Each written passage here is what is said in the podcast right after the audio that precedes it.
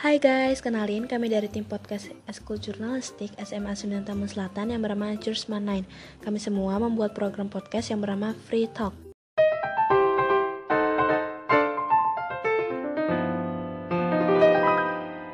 Di Free Talk ini, gue membahas salah satu topik yaitu apa sih pandangan murid terhadap sekolah daring? Seperti yang kita tahu nih, daring atau dalam jaringan telah kita terapkan dalam beberapa bulan terakhir. Hal ini dikarenakan penyebaran COVID-19 yang menyebar ke seluruh penjuru bumi dan mengharuskan kita untuk menjaga jarak, melakukan hidup sehat, dan menjauhi kerumunan masyarakat. Nah, sekarang kita bakal bahas kelebihan dan kekurangan daring. Daring itu kayak manusia, memiliki kekurangan dan kelebihan bagi setiap murid yang melaksanakannya. Karena bagi sebagian murid menyebutkan kelebihan dari daring itu dikarenakan kita akan lebih aman dari paparan virus COVID-19 yang ada di luar sana.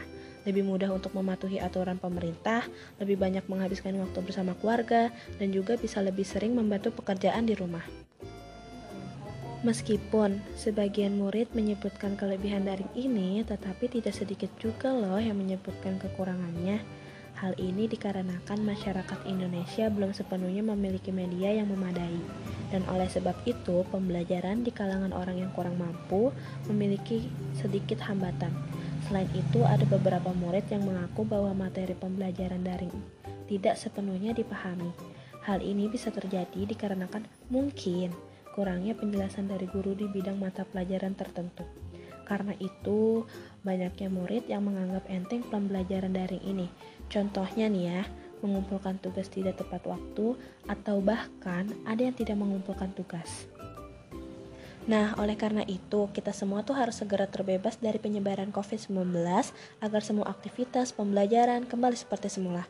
Untuk mencapai itu semua, pastinya perlu melakukan berbagai usaha dong. Nih ya, salah satunya tuh mematuhi protokol kesehatan dengan melakukan 3M, yaitu mencuci tangan, memakai masker, dan menjaga jarak. Tetapi ada satu hal yang terpenting juga bagi seluruh murid, yaitu harus tetap optimis, berpikiran positif, belajar dengan giat, dan tetap semangat. Di penutupan ini, gue bakal bacain satu pantun nih. Penjahit benang membawa peti Ibu Wahyuni menjahit kebaya. Saya pamit untuk undur diri. Terima kasih atas perhatiannya. Bye, see you in the next podcast.